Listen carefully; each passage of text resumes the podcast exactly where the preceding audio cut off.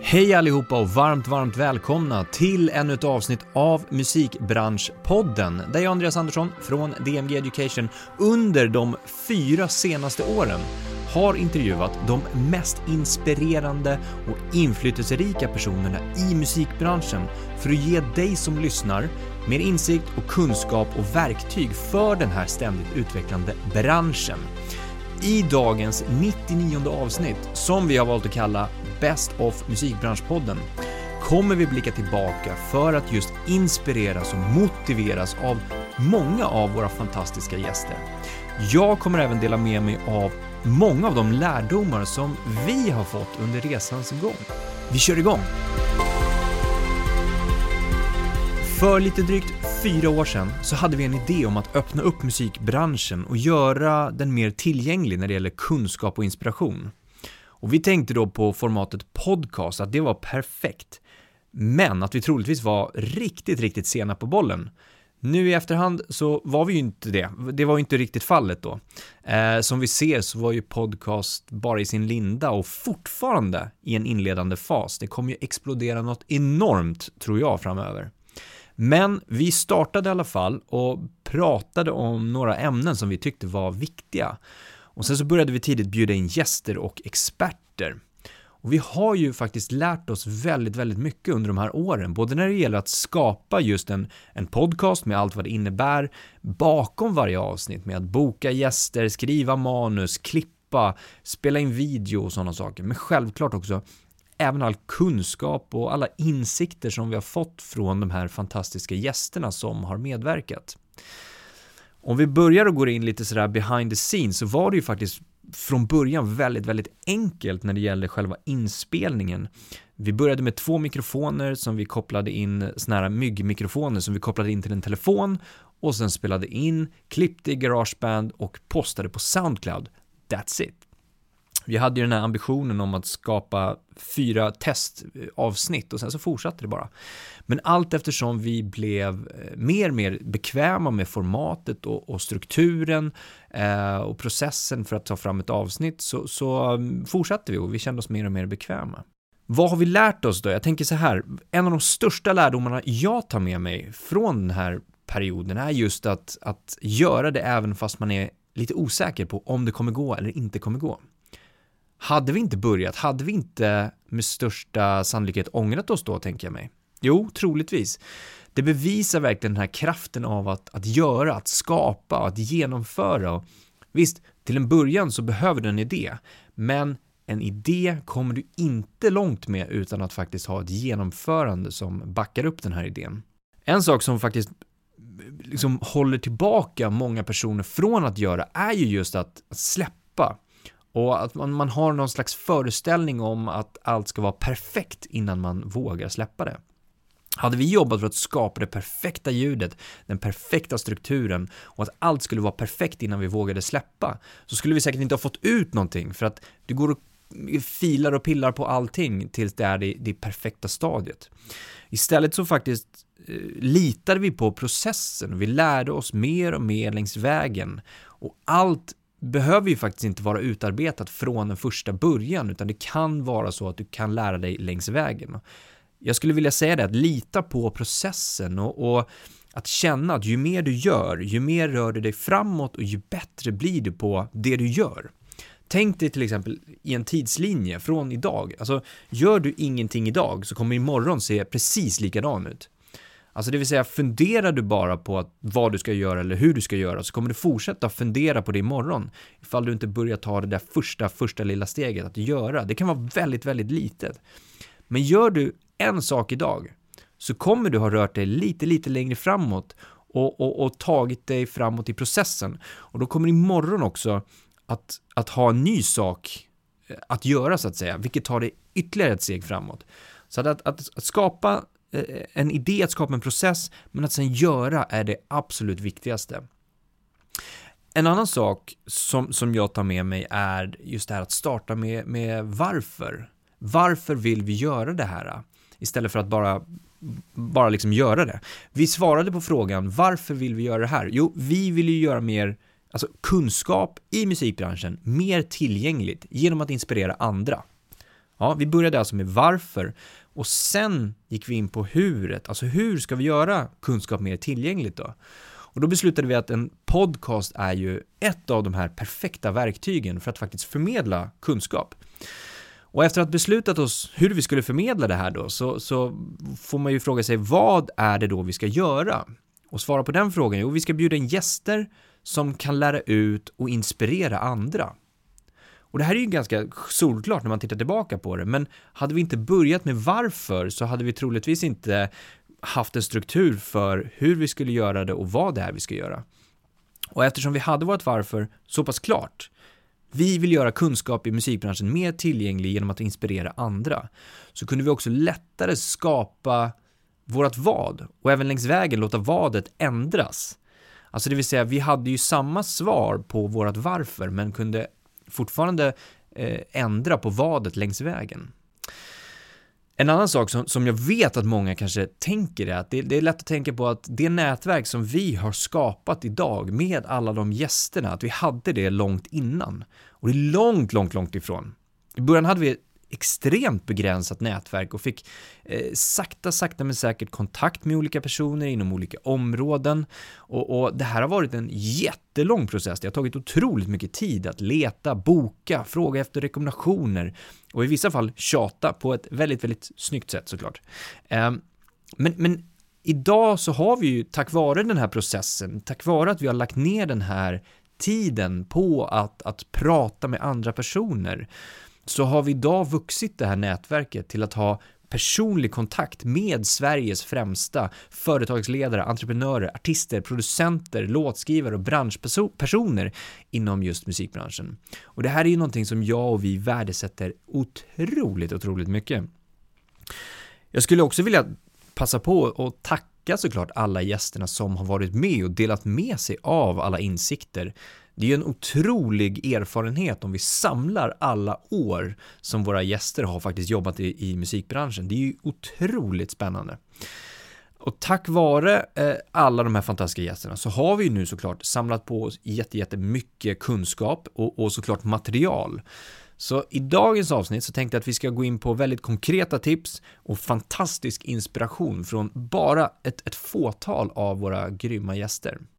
När det gäller musikbranschen som sådan så har vi pratat lite, lite grann om eh, hur den är uppbyggd.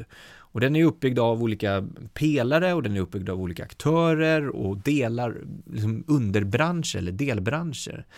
Och för att förstå sig på musikbranschens struktur så, och, och olika områden så krävs det att man förstår ett par grundpelare kan man säga. Man skulle kunna kalla det för musikbranschens värdekedja. Eh, och alla de här värdekedjorna, alltså alla de här delarna bidrar ju till olika saker i musikbranschens stora, stora liksom ekosystem. Och, och, för att förstå sig på helheten så kan man också identifiera vart man själv befinner sig, antingen som, som kreatör eller som, som, som branschperson, men förstå sig på liksom sin, sin lilla pusselbit i det värdet som man faktiskt eh, bidrar med i det här stora, stora ekosystemet. För det är ju någonstans en, en, en process, skulle man kunna kalla det för. Och om vi går, vi, vi går igenom de här bitarna lite grann bara, så, så börjar vi med upphovsrätten. Här har vi ju rättigheterna, där juridiken också är inkopplad. Nästa del är ju låten där vi har låtskrivare, alltså upphovspersoner och, och musikförlagen som representerar de här upphovspersonerna. I nästa steg kan man säga att vi har artister som spelar in de här låtarna eh, och framför de här låtarna. Inspelningen sen då har vi ju såklart självklart fortfarande artisterna men också det klassiska skivbolaget som är de som förvaltar själva inspelningen av det hela. Inte låten utan inspelningen. Och här finns det ju också både klassiska skivbolag men också nya affärsmodeller kring försäljning och distribution av musik som vi kommer faktiskt in på lite grann. En annan del, eller i nästa steg, så är det ju oftast live som, som man tittar på, vilket inkluderar bokningsbolag, livebolag, festivaler, konserter, arrangörer och så vidare och så vidare. En stor, stor del i det här, man skulle kunna säga som ligger som ett lager över, är ju också management, eh, vilket är en slags övergripande roll för att optimera en artist eller en kreatörs karriär. Och eh, vi kommer in på det lite mer också. Nästa steg i det här också, i processen eller i, i, i värdekedjan, är ju att marknadsföra musik. Att faktiskt få ut den, att faktiskt berätta för andra människor att det finns musik släppt. Och här gäller det att få eh, olika folk att veta om det här, olika målgrupper, också ta del av olika former av marknadsföring och plattformar och så vidare. En annan del, eller nästa del, är ju medierna, alltså radio, recensioner för att lyfta musiken ytterligare. Tidningar, eh, bloggar, you name it. Allt som händer just idag då. Mitt i allt det här virvarvet av de här pelarna så, så ingår det också underkategorier eh, kan man kalla det för, eller olika aktörer som är, det kan vara organisationer som samlar in pengar, och här kan man ju då gå igenom just så här, förstå pengaflödet i branschen. Eh, hur, hur pengar genereras från musiken som är skriven av låtskrivaren där uppe. Avtal mellan olika avtal, eh, parter, så det är olika avtalstyper. Vi har ju skapandet av musiken, det vill säga studios, vi har produktionen, eh, vi har ju film, vi har ju ljudteknik, vi har ju väldigt, väldigt mycket olika saker eh, som är runt omkring det här, eller i varje sån här pelare. Men här har vi helheten för att förstå sig på lite grann hur värdekedjan ser ut och sen så kan man dyka in i värdekedjan på, på olika sätt eller olika ställen för att förstå sig på lite, lite djupare.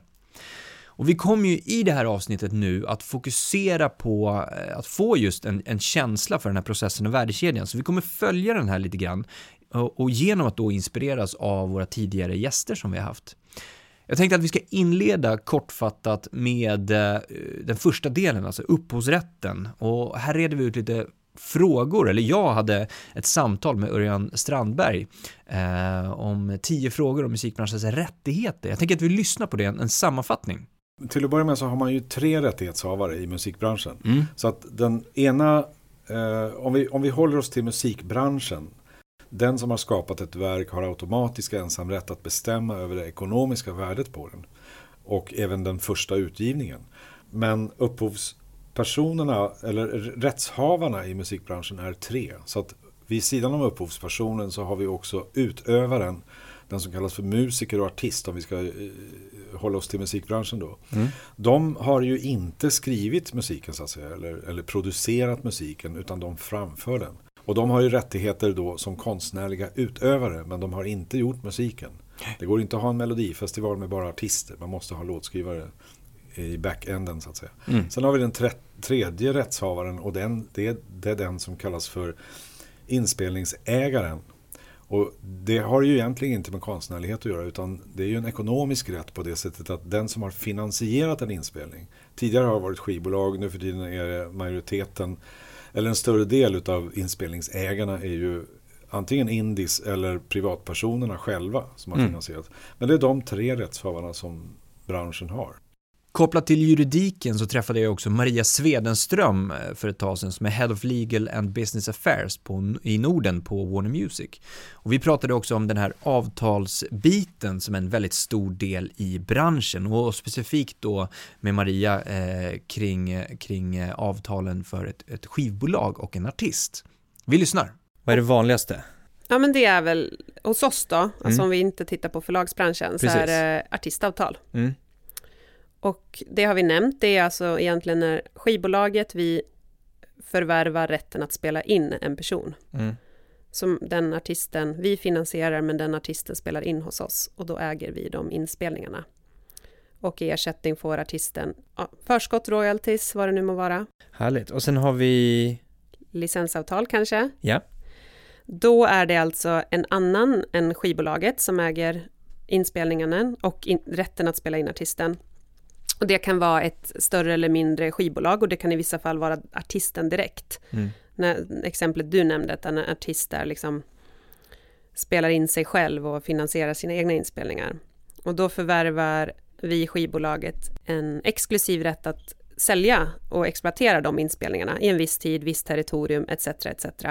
Men det är alltså inte vi, Warner i mitt fall, som äger den inspelningen, utan det gör någon annan. Mm. Och den, den någon annan är även den som bekostar inspelningarna, men oftast mot ett förskott igen, så att man får möjlighet, eh, finansiell möjlighet att göra det, att bekosta det. Sen har vi distributionsavtal kanske? Mm. Det är alltså då en, en, någon, någon som äger inspelningen och som kommer och säger vill ni sälja den här åt mig? Och då, den traditionella distributionsavtalet innehåller egentligen bara den tjänsten, sälj. Sen kan man lägga på kanske radio eller PR eller liksom betala extra för något annat man vill ha ut av skivbolaget. Men mm. egentligen grundbulten är bara en distribution. Mm. Och då är ju royaltyn då, man kallar det egentligen knappt royalty, man brukar säga att skivbolaget, alltså Warner i det här fallet, tar en distributionsfee.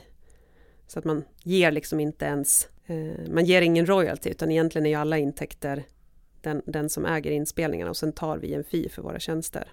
Man skulle kunna sammanfatta det här med att det finns eh, två olika delar av branschen som regleras, eh, reglerar rättigheterna.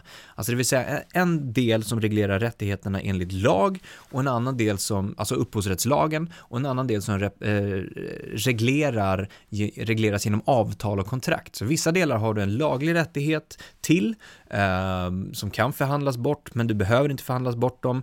En del kan inte förhandlas bort och, och å andra sidan så har du också andra saker som förhandlas via avtal då. Eh, så du har de två liksom grundpelarna att stå på skulle man kunna säga när det gäller rättigheter. Vidare i processen sen då, så har vi ju då eh, låtskrivaren och såklart musikförlaget som jag pratade om. Eh, låtskri- musikförlaget representerar ju låtskrivare och eh, här träffade jag Annette Hökengren som är general manager på Sony-TV. Om man vill jobba på ett förlag eller vill starta ett förlag, vilka kompetenser tycker du man bör besitta? Alltså det, jag tycker att det är jätteviktigt att ha koll på de grundläggande mekanikerna. Vad gör ett musikförlag? Vad gör ett skivbolag? Eh, hur registrerar man låtar? Vad händer om man inte registrerar låtar? Eh, vad är viktigt för att pengarna ska komma in? Och det tycker jag är någonting som kanske saknas Hos förlagen just? Nej, inte hos förlagen kanske, men, men musikbolagen generellt. Så, ja. så, så, eller kanske mest skivbolagen faktiskt eftersom i samband med teknikskiftet och Spotify och den digitala eran så var det mycket av de äldre personerna som jobbade som försvann och så kom det in ny, yngre eh, personal med en helt annan kompetens. Och i samband med det så tror jag mycket av den här kunskapen försvann. Mm -hmm. Just det, föll mellan stolarna lite. Att, Precis. Nej, men nu ska vi bara fokusera på digitalt Precis. och framåt. Exakt. Så det tror jag skulle vara jätteviktigt. Mm. Att man förstår det grundläggande. Kopplat till musikförlag så träffade jag också Pelle Lidell som är eh, rutinerad i, i, i, musikbranschen och driver Echo Music Rights. Så vi gick in bland annat mer på hur man som låtskrivare skulle kunna tänka globalt i sitt skrivande och sin eh, karriär. Det är hemläxan det handlar om. Ja.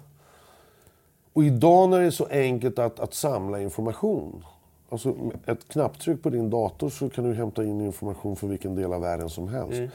Och det är det här arbetet som måste göras. Det handlar inte bara om att du går ner i din studio och skriver låtar. Utan du måste lära dig, vad är för, hur ska jag sprida mina låtar? Nu har jag gjort den här låten, Baby I Love You. Mm. Vad ska Baby I Love You, hur ska den hitta hem? Mm. Vad är den värd i det där territoriet eller det territoriet eller med den artisten eller med den spridningen? Sådana saker måste man lära sig. Och det går att lära sig det genom att, att använda sin dator rätt. Mm. Och sen att titta på vad är det för trender som gäller. Där Och det, det kan du också hitta. Du kan hitta på Spotify, eh, de olika eh, spotlistorna. De olika spotlistorna, internationella listorna. Eh, du kan hitta genom att söka, alltså med sökord i diverse territorium kolla videos på Youtube, etc. etc. Och det handlar om, jag skulle vilja säga att om du under en månad sätter dig ner och verkligen begraver det i den här infosörjan så, så har du tusen procent mer kunskap. Mm. Och, den, och den, den kunskapen som du besitter är, är, är livsviktig för din överlevnad som låtskrivare om du ska ha en karriär. Det tror jag är jätteviktigt. Mm. Jag tror också att det är viktigt att du teamar upp dig med, med, med likasinnande eh, låtskrivare, vänner, kollegor. Att du gör, gör, gör det team. Det är mycket roligare att jobba tillsammans än själv. Och att inte ha för bråttom. Att inte... Nu, du ska åka till LA, som alla åker väl till LA. Men hur många åker därifrån med, med en hit i, i deras hand? Det är inte många. De flesta som åker dit och har haft hits har också haft hits lokalt här eller någon annanstans innan. Det fördelen med österut det är att de som tar dina låtar bryr sig inte om egentligen alltså vad, vad det står för namn. Det behöver inte stå Max Martin på, på, på crediten. De bryr sig inte. Det är bara att det här är en skitbra låt. Ja, det är två gröngölingar från musikmakarna. Men vad kul för dem. Vad bra jobbat av dem. Händer aldrig i USA. Det spelar ingen roll, hur bra låten Har du inte rätt kontakt eller rätt folk eller hänger i rätt miljö så, så den, den låten is going nowhere. Sen när det gäller själva framträdandet eller framförandet av låten, alltså artistskapet, så träffade jag Petter, alltså låtskrivaren och artisten Petter. Ett superintressant avsnitt och ett superintressant samtal och här kom vi in bland annat på hur eh, man lägger fokus på sin huvudsakliga inriktning, eh, men också hur man sticker ut från mängden. Hur balanserar man det här, tänker jag just artisteriet och entreprenörsdrivet? Eh, för mig tror jag att det kommer väldigt naturligt för att jag tror att det kan vara så att det kan bli spretigt för vissa människor. Ehm, eh, hur, hur, man då, ja men hur kan du hålla på lite där och sen gör du lite där och lite där. Men för mig passar det ganska bra för att är man då hyperaktiv som jag är och har en milt sagt svårt med fokus ibland och koncentration när jag inte är super, super intresserad. Så är det ju så att jag, när jag är intresserad av någonting, när jag tycker att någonting är väldigt, väldigt kul, då blir det verkligen på riktigt för mig hela vägen. Men sen är det ju så att efter, efter ett tag, det finns en viss brintid på det där. Så mm. när den liksom har brunnit ner den, den, det ljuset så eh, har jag liksom ingenting mer att ge just då. Och då är det ganska bra att koppla på någonting annat.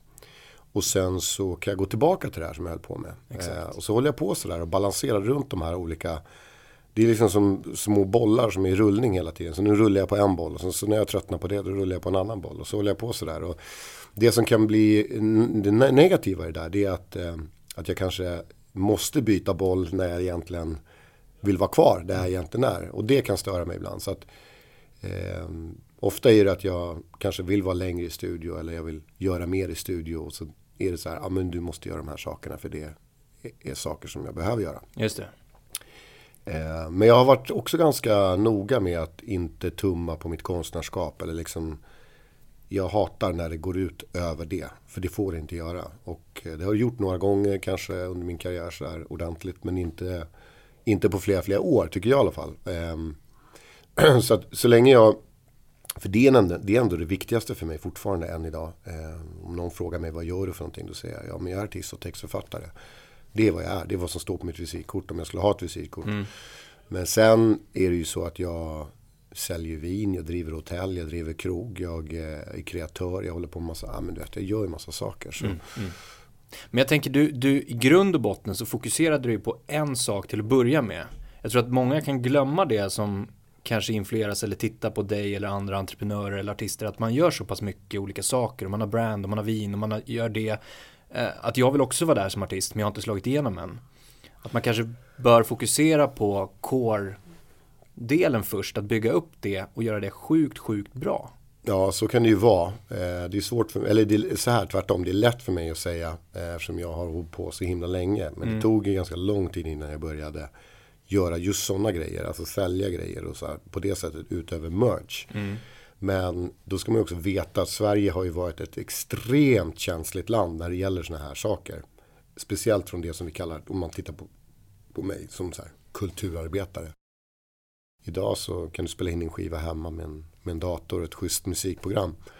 Men det gör ju också att det är så jävla mycket musik som kommer. Mm. Vilket gör att det som artisternas stora utmaning idag, det är så här, okej, okay, hur sticker jag igenom i det här liksom, gröten av grejer som händer? Hur syns jag? Hur hörs jag? Mm.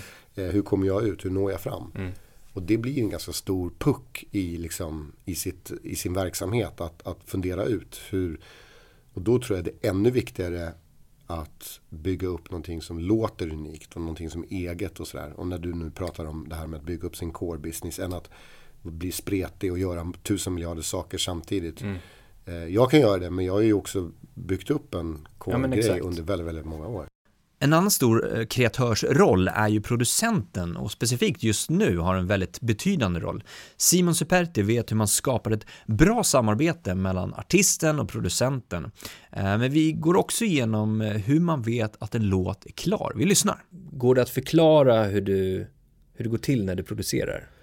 Ja, det, jo, det är ju det är abstrakt och ganska varierande självklart. Men hur producerar jag? Alltså jag, brukar, jag, jag, brukar, jag brukar vilja lära känna folk när jag mm. gör musik. För att de bra låtarna kommer från att man har någon form av kommunikation och, och uh, koppling till varandra i, i musiken, i studion, i livet. Liksom. Det kommer, en bra låt kommer från en bra konversation skulle jag säga.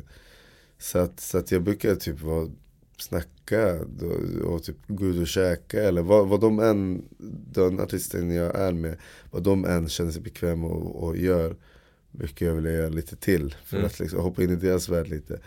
Och eh, från ett, en, ett snack till en middag till en, till en konversation till en insikt och sen när man väl hamnar i studion då behöver man inte snacka om vad man ska göra låt, då kommer det naturligt. Mm. Och det är väl det jag som producent brukar lägga mig i roll gentemot ja, men låtskrivare men artister som är låtskrivare.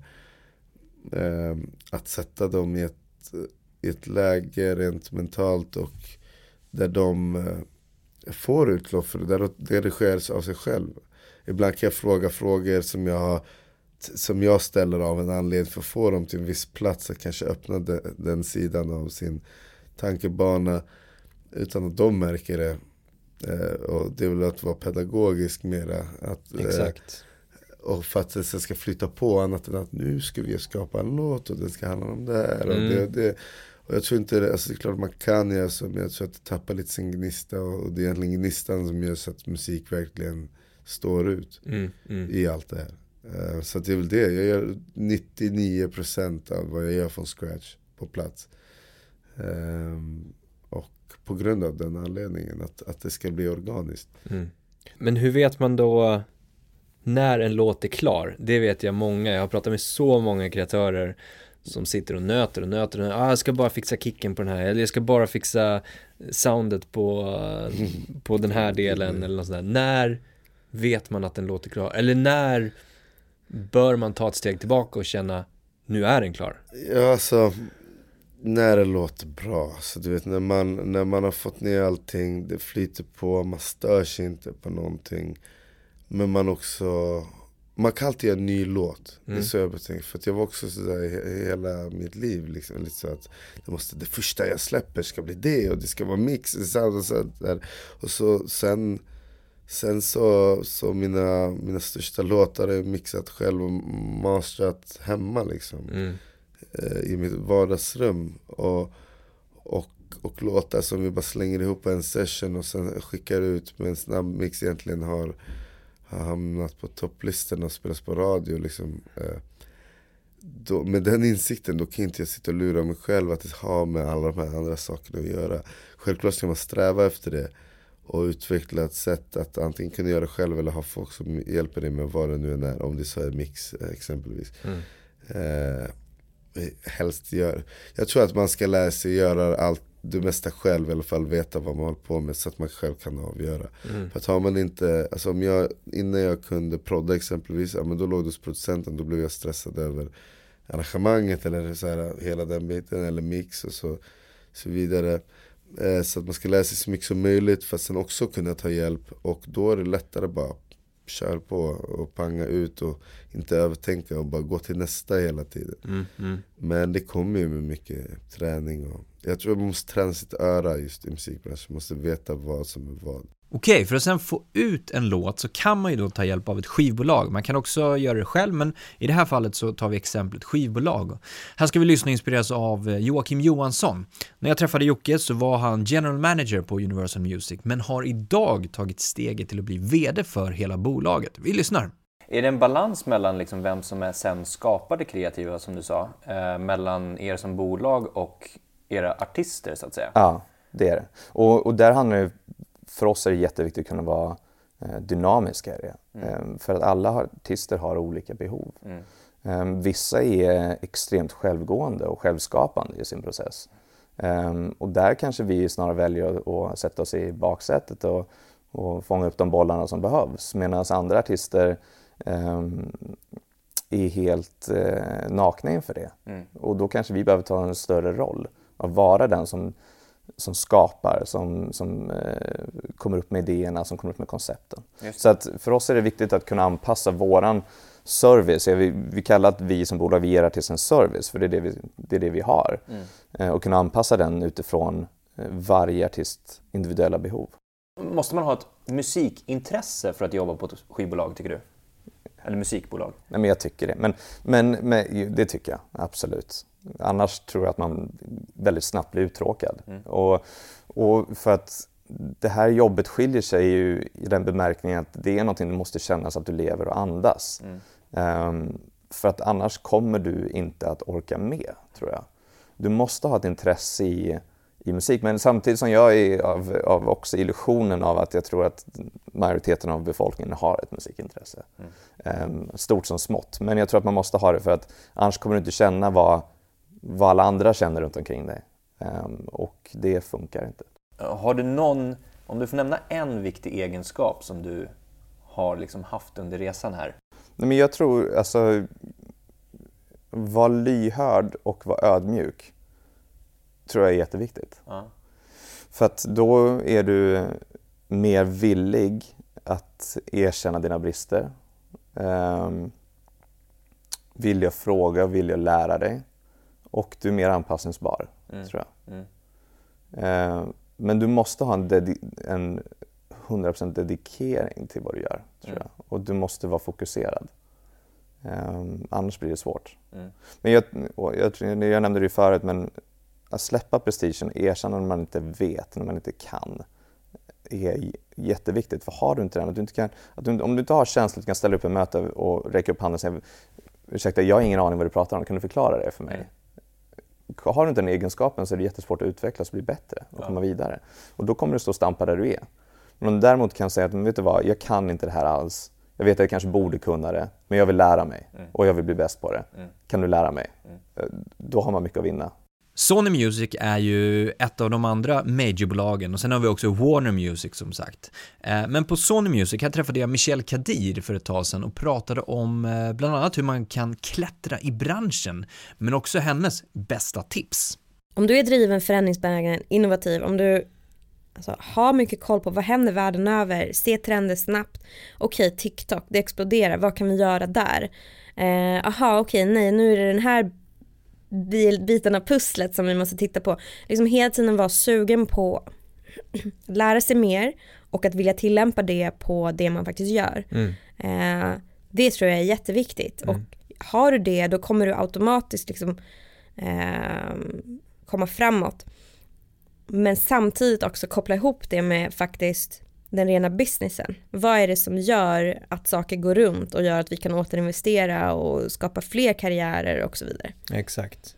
Och kanske inte tro att man ska bli serverade. Ja. Alltså ansvar till exempel. Nej, precis. Bara en sån sak som du nämner nu, TikTok, att jag tror på att man kanske kan själv researcha. Verkligen. Eh, sitta hemma på kammaren eller vad man kallar det för och, och testa sig fram, skapa ett TikTok-konto, prova, vad är det som funkar, vad, hur går det till? Mm och sen komma med Exakt. idéer väl ja. liksom på arbetsplatsen. Ja, det bästa som finns är ju när någon i ens team själv har gjort den typen av research mm. på eget initiativ mm.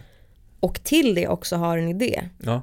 Ja, absolut. Alltså jag är så öppen för att vi kan testa vad som helst. Så länge det finns en genomtänkt eh, idé eh, och syfte, ja. kör. Ja. Det finns liksom ingenting då jag skulle säga nej till. Så om man nu är till exempel anställd på ett företag, säger vi, och vill avancera, som vi också pratade om, hur, hur kan man visa upp det här rent konkret? Mm. Liksom? Hur kan man skapa de tillfällena? Mm. Och det är liksom inte jättesjälvklart i vår svenska kultur att Nej. man man vill liksom inte hävda sig. Men jo, gör det. Och jag menar inte på ett, eh, på ett oskönt sätt utan du kan göra det jättesmidigt till din eh, ledare bara visa liksom på dina resultat, visa på dina initiativ. För din ledare har fullt upp med så mycket. Men om du visar upp dig kommer du få kommer du vara top of mind nästa gång det gäller en promotion eller vad det nu än må vara, ett nytt spännande projekt eller en möjlighet utomlands eller vad det än kan vara. Så ta chansen att visa upp dig. Gör det alltid väldigt, nej men gör det, på, gör det på ett härligt sätt och inte på något douchigt sätt. Mm. Utan bara vara väldigt tydligt, visa upp dina resultat. Du kommer vara en top of mind. Vad, vad är dina, dina bästa tips för någon som vill vara med och liksom bidra till det på något sätt?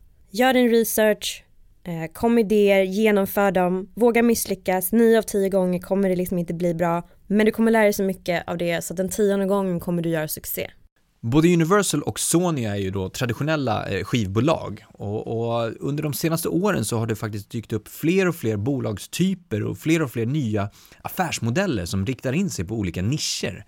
Ett sådant bolag är Snafu Records och jag träffade Ankit Desai som är medgrundare till det här bolaget och delar med sig av hur det här ser ut. If you can tell us more about like the business model, Yeah. uh, how does that work? Are you do you classify yourself as a record company or an, a tech company or?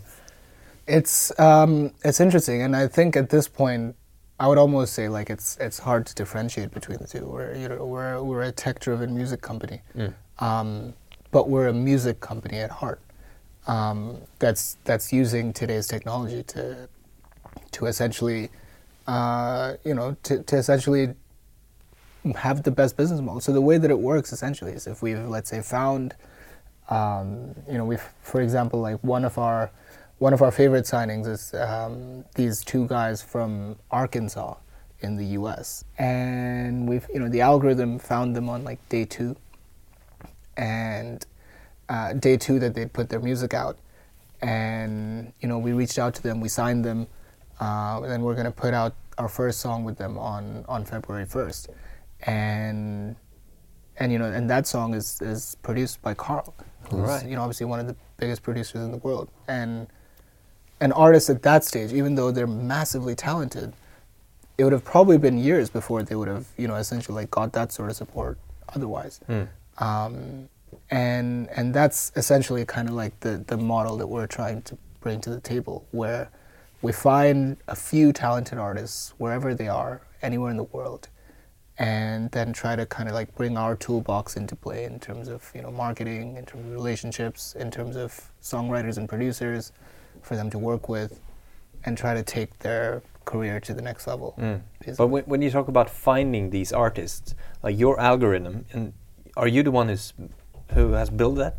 I built the first version. Then Yeah. we hired people way smarter than me to you know to like improve on it. Yeah. Funny enough, our our, our chief technical uh, technology guy is an aerospace engineer. Oh, really? Um, yeah. So exactly. So so I built like the first version of like okay, this is what we're gonna look for, and then we've been improving on it obviously for the last like eight nine months. yeah, and that algorithm is like scanning through like streaming sites like Spotify, Apple Music, everything. SoundCloud, YouTube, it, and it, it basically like sorts through around 200,000 unsigned artists every week.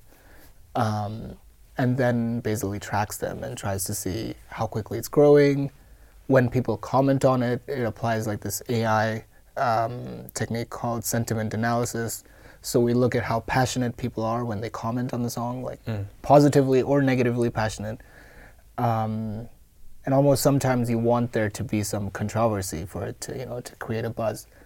Um, you know it also we're also starting to look at the structure of the music and how it compares to what's on the top 200 on Spotify at any given time, and essentially like take all these factors and then give a score, a snafu score, um, and say okay we believe that this song is like I don't know 80% likely to to succeed. And then if we feel like we can bring something to the table there, we reach out to the artist and we try to sign them and and then essentially work like a, a label would work. Mm. There's a lot of music out there. yeah. How like even if you had 10,000 A&R scouts, there's no way they would be able to listen to that much music every week. So you need some way to be able to filter it down so that the human can then make a human decision of like is this something that I can connect with or not? Right? And essentially, really, that's what we're trying to do. That how do we organize all that information that's out there in the world about music um, to basically try to you know come up with what, what we should what we should back. And another thing that I would probably also say is when we you know when of course you know when we look at it from one point it's you know we're looking at numbers but the numbers that you're looking at is when people listen to the song how are they reacting to it? And that's also like a very human thing. Like you know we look at how much of the song people listen to or how they tend to talk about the song after they've listened to it. Um, so at the end of the day you know i think music is a very human endeavor and that's never going to change. Nästa steg i processen är ju oftast att spela live som sagt då, på en konsert eller en festival. Och Joppe Pilgren är VD för organisationen Svensk Live. Här pratade vi eh, lite tips om antingen den som ska vara ute och spela, alltså det vill säga den som vill spela, framföra artisten i fråga, eh, eller den som vill arrangera eventet, eh, eller en klubb till exempel. Tycker du att man behöver ett brinnande intresse för att jobba med musik? Att det är ett brinnande intresse för musik, för att jobba med musik? Nej, det tycker jag inte. Jag, jag, eh, eller så här, ja. Man, man behöver nog gilla musik, ja. Mm. Men jag tror, jag, jag tror inte man behöver gå in så. Därför att jag tror att arrangörskap är ju att på något sätt ordna festen. Mm. Och då tror jag att många som är arrangörer tycker att det är roligt att göra någonting som, som eh, folk blir glada av. Sen om man ska boka band, då måste man ha ett brinnande musikintresse. Men det finns ju, du kan ju, vara, du kan ju, du kan ju ha ett ställe som du, som du vill eh, ha som ett jätteskönt ställe att vara på. Och då kanske det är skitbra om drinkarna är jättebra eller att eh, garderoben, garderobiären är vänlig eller någonting annat. Du kan ju jobba med massa sådana saker också. Eh, för, att, för att helhetsupplevelsen ska bli bra. Och där tror jag man behöver, och där det finns ju mycket kvar att göra. Så att de som bokar band behöver ha brinnande musikintresse. Hur bör man gå tillväga för att komma ut och spela? Då tror jag man ska försöka, då tror jag mest är att försöka hitta eh, alltså antingen ihop med några andra som kanske är mer kända eller, eller själv göra, göra ett gig och försöka få dit några stycken som kanske kan boka en eller som kan snacka om en eller någonting sånt där. Jag tror att det är, det är skitjobbigt men bra grej. Dina bästa tips för någon som vill starta igång och dra igång en klubb eller konsertställe eller festival? Mm. Ja, men då tror jag att man, då, då tror jag man behöver vara några stycken helst. Mm. Och, ja, det behöver kanske om man, det, det kan vara bra, alltså även om man är solartist kan det också bra att ha några folk runt omkring sig. Men, eh, men om man ska göra, göra ett arrangemang så då är det nog bra att vara några stycken och sen så tror jag att man behöver ha, försöka ha en tydlig idé.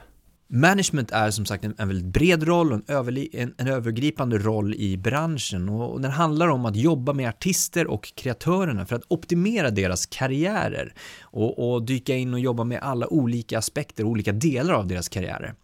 Thomas Jernberg är en erfaren manager som tillsammans med Marie Dimberg driver ett av Sveriges största managementbolag, Dimberg Jernberg Management. Och vi pratar bland annat här och då om en managers roll tidigare och idag. Det väsentliga numera inom management, när jag började så kanske management handlade mer om att man var eh, lite missnöjd med alla. Ja. så man ringde och ringde och mer beklagade sig över vilket dåligt jobb folk gjorde och man förhandlade väldigt aggressivt och det var väldigt eh, Management var ju enligt liksom klassisk så old school, lite management by fear, att det skulle vara jobbigt nästan att man hade managern efter sig nästan. Mm. Nu handlar ju, i, i, min bok handlar ju management mer om att bli partners. Så att, att det här aktiebolaget ska bli partners med många andra partners eh, som kan driva artistkarriären framåt. Det kan vara en, eh, en bokningspartner, det kan vara ett varumärkesbyråpartner, det kan vara en, eh, ett skivbolag, en skivbolagspartner, det kan vara en förlagspartner, det kan vara alla de här partners, eh, alla de samarbetspartners som eh, aktiebolaget har eller som artisten har eh, ska ju jag som manager eh, optimera och Mm. göra det bästa av och eh, få alla att gå åt samma håll. Mm. Så att ett möte med ett eh, skivbolag kanske handlar om en lansering eller den pågående processen av en lansering eller planeringen av en kommande lansering till exempel. Mm. Eh, och då är det viktigt att vi då som, som eh, driver, driver artistens verksamhet framåt är tydlig mot alla hur vi ser på artisten framåt och vad vi, eller var vi ska. Så att det finns en gemensam målbild för alla partners. Mm. Att om vi ska Um, om vi ska nå framgångar i ett land på livesidan så behöver vi få partners även på musiksidan och på många andra samarbeten att drivas åt samma håll i, det här, i den regionen till exempel. Så det är klart att mötena ser ju annorlunda ut baserat på vilken partner man träffar men i, i grund och botten så handlar det om att representera artisten på bästa sätt och eh, optimera deras eh, framfart. Nämnde också att det, det, finns en viss skillnad mellan management förut, alltså traditionellt management by fear till exempel då, mm. och hur det ser ut idag. Finns det andra saker som skiljer sig liksom väsentligt? Eh, nej, men managementyrket eh, har ju professionaliserats mer eh, och har blivit större organisationer. Jag menar, för 50 år sedan så var det, handlade det ofta om en person mm. som var eh, extremt aggressiv och eh, pushade deras klienters framfart som Led Zeppelin och många klassiska band hade ju galningar som managers. Mm. Verkligen. Idag är ju management, eh, kanske framförallt hittills i USA och eh, i England, det är ju stora liksom är ju stora, stora bolag eh, där, eh, där man har egen radioavdelning, egen social media, eh, egen turnélogistik, egen, eh, mycket av liksom egna leverantörer för att eh, understödja eller stödja de varumärken man jobbar med. Mm. Så det har blivit stora eh, media eh, management powerhouses på ett annat sätt än vad det var för liksom, 40-50 år sedan. Säg nu att vi har allt på plats. Vi har en låt, vi har en låtskrivare, vi har ett förlag som representerar den här låtskrivaren. Vi har en artist som har spelat in låten och sen har vi ett skivbolag som representerar artisten och själva inspelningen i fråga. Vi har ett management för att kunna optimera hela artisten och kreatörernas eh, karriär och alla olika delar. Sen har vi spelningarna, vi har klubbarna, vi har festivalerna. Musiken är släppt, biljetterna är släppta till spelningen. Nu behöver vi såklart marknadsföra det här. Och någon som kan det här väldigt, väldigt bra är Nico Sadi som är expert på digital marknadsföring. Vi lyssnar vidare kring vad vi pratar om. Jag jobbar mycket med att man inte ska bli överväldigad av alla ja, liksom, plattformar. Precis. Så det handlar mycket om att eh, förstå vart de olika plattformarna tillhör. Det är lite så att det som vi har upptäckt, speciellt eh, när vi har jobbat med ehm, kampanjer på Orchard nu de senaste åren, att eh, publik, målgrupper är väldigt så här, vad heter det, i silos. Liksom. Så att den personen som är på YouTube är nödvändigtvis inte på, följer inte dig på Instagram. Eh, de, det finns liksom lite olika målgrupper på olika plattformar. Så där gäller det att man är medveten om det när man till exempel uppdatera, alltså bara en sån enkel grej som så här, min release, min singel är ute. Mm. Det måste finnas med på alla plattformar. Det är liksom basic-delen. Att där måste, för att man täcker, så att man täcker alla de här. Den personen som är på Twitter, nu är inte Twitter jättestort i Norden, men den personen som är på Twitter behöver absolut inte vara på Instagram, behöver inte följa det på Instagram. Så det är jätteviktigt. Och sen också förstå att kommunikationen är annorlunda på olika plattformar. Så att om du kollar på Instagram, nu har man ju fått lite long form content också och Facebook satsar mycket på det också. Men om du kollar Instagram jämfört med YouTube så är det helt olika plattformar. Vet du vad, jag glömde faktiskt YouTube. Man måste faktiskt vara finnas på YouTube. Det är en sån här Bra. grej. Ja, det är en sån här del som um, Det är ju jätteviktigt. Mm. Så att um, där, där tror jag definitivt att här, förstå liksom Youtube, då kanske man gör lite mer episoder, liksom avsnitt. Eh, kanske inte nödvändigtvis bara, det som många artister gör till exempel är ju att bara ha sina, eh, sina videos på Youtube, musikvideos. Vilket är helt okej okay om det är liksom det man vill göra och så bestämmer man att ens favoritplattform är eh, Instagram. Det, det är okej att, att, ha så, men då kan man inte förvänta sig att YouTube kommer att växa, att den plattformen kommer växa, att man kommer få fler fans där. För det är inte så, det, så som den plattformen fungerar. Så det handlar mycket om att förstå liksom, typ Facebook, alla algoritmer som liksom funkar. Du kan inte gå från att posta noll inlägg till att posta fem inlägg. Eh, nu när det är release liksom så. Eh, om man istället är en artist då? Och vill få ut sin musik? Mm. Hur bör man sätta igång där? Eh, om man tänker online eh, så skulle jag definitivt, alltså där är det ju mycket mer sociala medier. Mm. Eh, och koppla ihop alla grejer som man gör i verkligheten. Så typ om du spelar ett gig. Alltså det är helt sjukt vad många som glömmer att uppdatera liksom att man har ett gig. Alltså, det är så världens enklaste grej. Och, eh, eller att man ska spela liksom. Eh, eller om man, har, om man är med i en tidning eller onlineblogg. Det kan vara världens minsta blogg. Att prata om det också. Men du behöver inte prata om det på ett sätt som är liksom så här, läs det här, läs det här. Utan det kan vara liksom vad som helst. Så här, vad tycker ni om det här? Eller att man liksom öppnar upp en, en relation till sina mm. fans. Och den kommer ju ofta, det är en kombination av att det kommer från alltså saker som man gör fysiskt så att säga. Eh, men att verkligen se till att det som händer fysiskt också händer digitalt. Och också se till att man vet vem man är som artist. Mm. Eh, det som vi pratade om innan. Att verkligen vara tydlig med eh, vad man står för. Eh, connecta med andra musiker tycker jag är jätte, jätteviktigt online när man är ny som artist. Eh, prata med andra, andra musiker, artister, skapa en community själva och få upp varandra, dra upp varandra. Eh, om man inte har fått någon eh, i musikbranschen och se till så att, alltså, om man inte har fått hjälp därifrån innan så får man definitivt hjälp om man är liksom ett stort kollektiv och drar upp varandra. I nästa skede har vi även media, alltså journalister, radio, recensenter och Jan Gradvall hade jag ett spännande samtal med. Han är en av våra mest kända eh, musikjournalister och vi hade ett mycket, sam mycket intressant samtal kring eh, just skapandet av recensioner och artiklar samt hur man nu som artist ska bli omskriven. Och det här kommer inte musiker tycka om när man säger, men jag skulle säga att i nio fall av tio så beror det på att de inte blir omskrivna att de inte är tillräckligt bra. Ett vanligt problem nu när man kan spela in all musik i sitt eget sovrum, att man tror att det räcker. Här, här har jag två jättebra låtar, de är nästan lika bra som Avicii eller någonting. Kan inte skriva om dem. Men det räcker ju inte, utan du, du måste ha någonting mer. Du måste ha någonting mer att presentera. Vem är du som person? Hur ser du ut? Vad står du för, så att säga?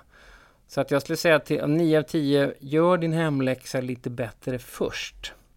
Sen om man är ett band så jag tror jag att live kommer man inte ifrån. Bara ta alla spelningar som finns. Kent och Bob Hund spelade på restauranger i Stockholm ett år innan. De, de, tog, de tog de här spelningarna i Sundsvall med två personer. Bara spela, spela live. Man, man lär sig, man utvecklar sitt artisteri då. Och sen tror jag att man också får vända på rollen. Så att nu skickar jag den här musiken till då mig till exempel. Och tror att jag ska lyssna på den. Men då får man kanske tänka, vänta nu, den här personen får sannolikt 228 mejl om dagen. Varför ska han lyssna på just min länk? Och då kanske man får tänka till lite hur man presenterar det hela. Mm. Så jag tror man får vara ödmjuk inför hur svårt det är. Och hellre vänta lite för länge och se till att man så att säga talangutvecklar sig först. Och inte tro att det räcker med två bra låtar som man har gjort hemma. Om man har själva musiken, den är liksom paketerad och klar. Eh, vad bör man lägga fokus på enligt dig? Titta tillbaka i musikhistorien tror jag. Eh, jag tror att man lurar sig själv när man säger att man har musiken, att den är klar. För att den hör ändå ihop med någonting. Om man tittar på Madonna när hon kom fram till exempel. Så var hon ändå en del av New Yorks disco underground-scen. Hon såg fantastiskt ut på ett nytt sätt. Alltså hon hade inte råd med dyra kläder men hon klädde sig på ett annat sätt. Hon stod för någonting. Var en sorts liksom punkfeminist utan att hon använde det ordet. Så jag tror att man förstår att artisteri är en sorts helhet. Och eh, sluta aldrig att liksom lyssna på musik och förstå varför gillar jag den här artisten så mycket? Och tänk vad kan jag lära mig av det då? Det här är som sagt bara ett litet, litet urval från alla våra härliga gäster som vi har haft. Och det är en sammanfattning av hur branschen ser ut och hur branschen är uppbyggd. Och eftersom det finns så pass många olika delar så är det svårt att hinna med allt i ett och samma avsnitt här. Så ett super, superbra tips till dig som lyssnar och vill veta mer om de olika delarna är därför att gå in på vår hemsida dmgeducation.se och under fliken podcast gå in på musikbranschpodden för där kan du nämligen söka på ämnen som du är intresserad av och lära dig mer. Och då, till exempel då, om du skriver in eh, skivbolag så kommer alla avsnitt som är relaterade till skivbolag. Skriver du in producent så kommer alla avsnitt som är relaterade till producent. Så det här är ju ett jättebra, effektivt sätt att skapa, eh, skapa dig mer kunskap om musikbranschen. Nu kanske du undrar, vad är det som händer med podden nu? Självklart kommer vi att fortsätta. Det är inget tvekan om saken. Vi kommer från och med nästa avsnitt att ha ett segment med ungefär 15 avsnitt där vi fokuserar på musikbranschens olika funktioner, roller, bolag och så vidare, just för att lära dig. Det här är med fokus för att lära hur det fungerar. Och vi har valt att just kalla det passande då, så fungerar musikbranschen med olika inslag. Se det lite grann som din löpande utbildning kring musikbranschen och dess olika roller, delar och funktioner. Så att det här kommer du få matad kunskap löpande. Vi kommer till exempel gå in på hur ett skivbolag faktiskt är uppbyggt, både ett majorbolag, ett independentbolag, vad rollen A&R betyder och hur en sådan jobbar, men även gå in på pengaflöden och avtal och massa, massa mer eh, spännande, roliga saker. En annan härlig nyhet är ju att vi faktiskt kommer släppa ett avsnitt varje vecka istället för varannan vecka. Så nu kommer du varje vecka kunna bli matad med massa, massa kunskap under hela, hela sommaren. Wow, jättehäftigt eh, att ha gjort de här snart 100 avsnitten. Eh, en ära att ha haft alla de här fantastiska gästerna. Eh, jag tackar ödmjukast för det och jag tackar ödmjukast för alla ni som lyssnar också. Det är fantastiskt att ni lyssnar och vill lära er. Eh, jag tror att ehm, med kunskap föder vi nya, musikbransch, eh, nya musikbranschen. Med kunskap så föder vi innovativa idéer, vi föder nya affärsmodeller. Så att med nyfikenhet och med kunskap så kommer man extremt långt. Och sen så kom, kom ihåg det där genomförandet också. Härligt! Jag hoppas ni har fått en, en, en kick, en, en, en motivationskick ifrån det här avsnittet. Och supertack för att ni har lyssnat. Sköt om er där ute, ta hand om varandra Eh, så börjar vi på nästa 100 avsnitt från med nästa avsnitt. Tack!